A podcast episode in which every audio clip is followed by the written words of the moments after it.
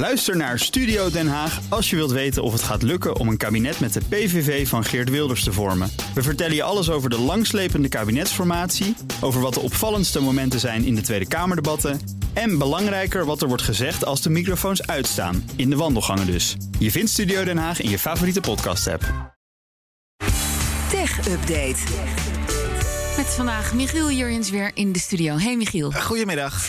Nieuws over Facebook. De feed gaat er alweer anders uitzien. Ja, Mark Zuckerberg, de topman, die kondigt in een eh, bericht op Facebook vandaag een wijziging aan in de Facebook-app. En wat ze eigenlijk gaan doen, ja, je nieuwsfeed, dus je homepagina in die app, die wordt als het ware in tweeën gesplitst. Het is nu zo dat je, ja, je hebt één homepagina met ja, die eindeloze stroom aan berichten, een klein beetje nog van je vrienden en vooral tegenwoordig heel veel voorgestelde Ja. berichten, nieuwsberichten, foto's, video's waarvan het algoritme denkt dat wil jij zien. Dat gaat veranderen. Op de eh, homepagina komen straks bijna alleen nog maar van die video's Oh voorbij. nee. ja, er komt een maar en er komt een positieve maar. Dat Ah. is dan dus ja, op basis van het algoritme. Maar, eh, en dat kondigen ze aan, er komt ook een knop in de app om naar een soort tweede feed te gaan. En daar krijg je dan de berichten van je vrienden te zien. Ja, ja. Dat is het idee. En nou, wa- waarom doen ze dat? Ja, eigenlijk twee dingen, vermoed ik. Ten eerste, ja, wat ze altijd doen, is namelijk ja, de concurrentie vooral kopiëren. Ze deden dat destijds met de Instagram stories. Dat was regelrecht van Snapchat gepikt. Bij Meta kijken ze met heel veel jaloezie naar TikTok. Eh, dat werkt dus ook met video's op basis van een algoritme. En die app doet het ontzettend goed.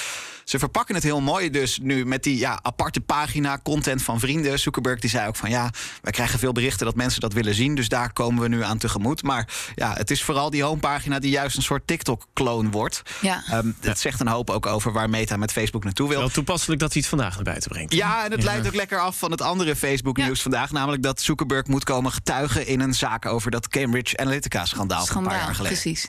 Nou ja, ik zit toch al bijna nooit meer op Facebook, dus eh daar ga ik niet meer mee. Je maakt hier net nog heel erg zorgen. ja, dan maar nu, ik, ik ja, zit er maar, niet ik meer vind, op. maar ik vind het wel stom. Ik bedoel, Ja, ja, het is, het is een zooitje, je Facebook-pagina heel pagina irritant. Al tegenwoordig. die, al Ja. die video's die ook meteen gaan spelen. Zo. Ja, Nou, klopt. Anyway, eh Viaplay is verder gegroeid. Ja, vandaag kwamen de kwartaalcijfers van de Zweedse streamingdienst. Ruim 750.000 abonnees kwamen er het afgelopen kwartaal bij. Het zijn er bijna net zoveel als het kwartaal ervoor. Ze hebben nu 5,5 miljoen abonnees, vooral in eh, Noord-Europa en eh, in Amerika.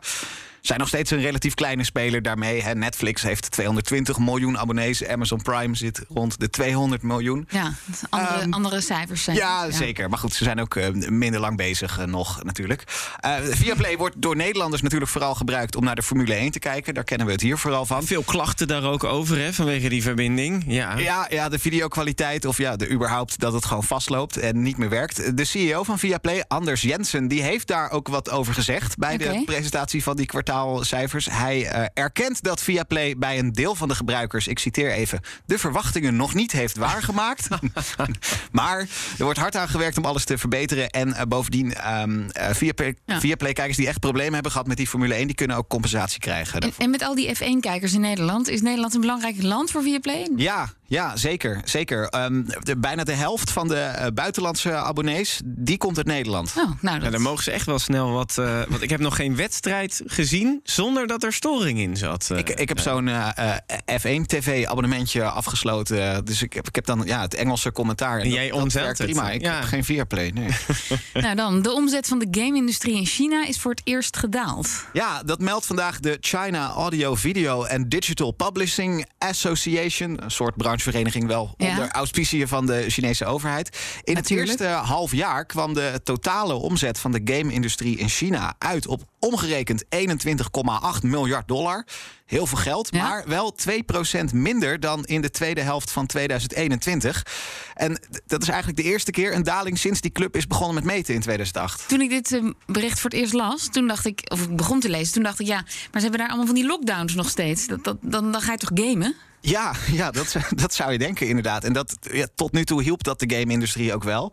Ehm, maar tegelijkertijd hebben we ja, de Chinese overheid... die een stevige greep op techbedrijven probeert te krijgen. Dus ook op de game-industrie. Vorig jaar eh, begonnen ze een stuk minder licenties uit te geven... voor nieuwe games. Daar zijn ze inmiddels wel weer van afgestapt. Want ook ja, eh, het economisch herstel na al die lockdowns... dat willen ze ook een beetje aanjagen. Maar je ziet er nu wel de eh, effecten van. De Chinese game-industrie blijft wel de grootste ter wereld. Echt Ja. enorm. En dan tot slot, er is nu een auto die meer CO2 opvangt dan dat hij uitstoot. Ja, en dat Lijkt me zou goed natuurlijk- nieuws, Dat ja. zou natuurlijk mooi zijn voor in de toekomst. Studenten van de TU Eindhoven die hebben vandaag zo'n concept gepresenteerd. De ZEM heet die. Er is bijna een jaar lang met 35 studenten aangewerkt. Het is nog een concept, maar het is wel gaaf. Het ziet er echt uit als ja, een volwaardige sportieve elektrische auto. Veel materiaal is 3D geprint.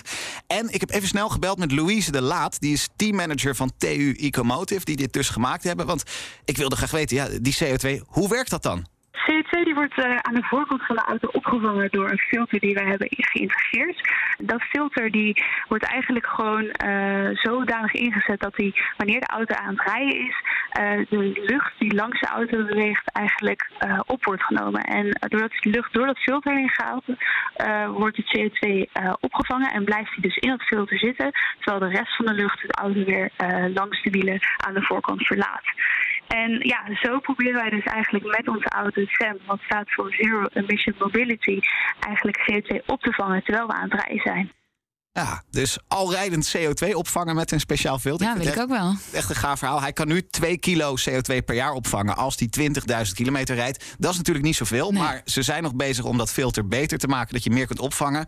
En het idee is vooral, stel dat er straks heel veel auto's met dit soort filters rondrijden, dan wordt die impact vanzelf heel Precies, groter. dan is 2 kilo opeens best veel. Dankjewel, Michiel Jurjens. De BNR Tech Update wordt mede mogelijk gemaakt door Lenklen. Lenklen. Betrokken expertise, gedreven resultaat. Bij BNR ben je altijd als eerste op de hoogte van het laatste nieuws. Luister dagelijks live via internet. Bas van Werven. En heel langzaam komt de zon op rond dit tijdstip. Je krijgt inzicht in de dag die komt op BNR, het Binnenhof in Nederland en de rest van de wereld. De Ochtendspits. Voor de beste start van je werkdag. Blijf scherp en mis niets.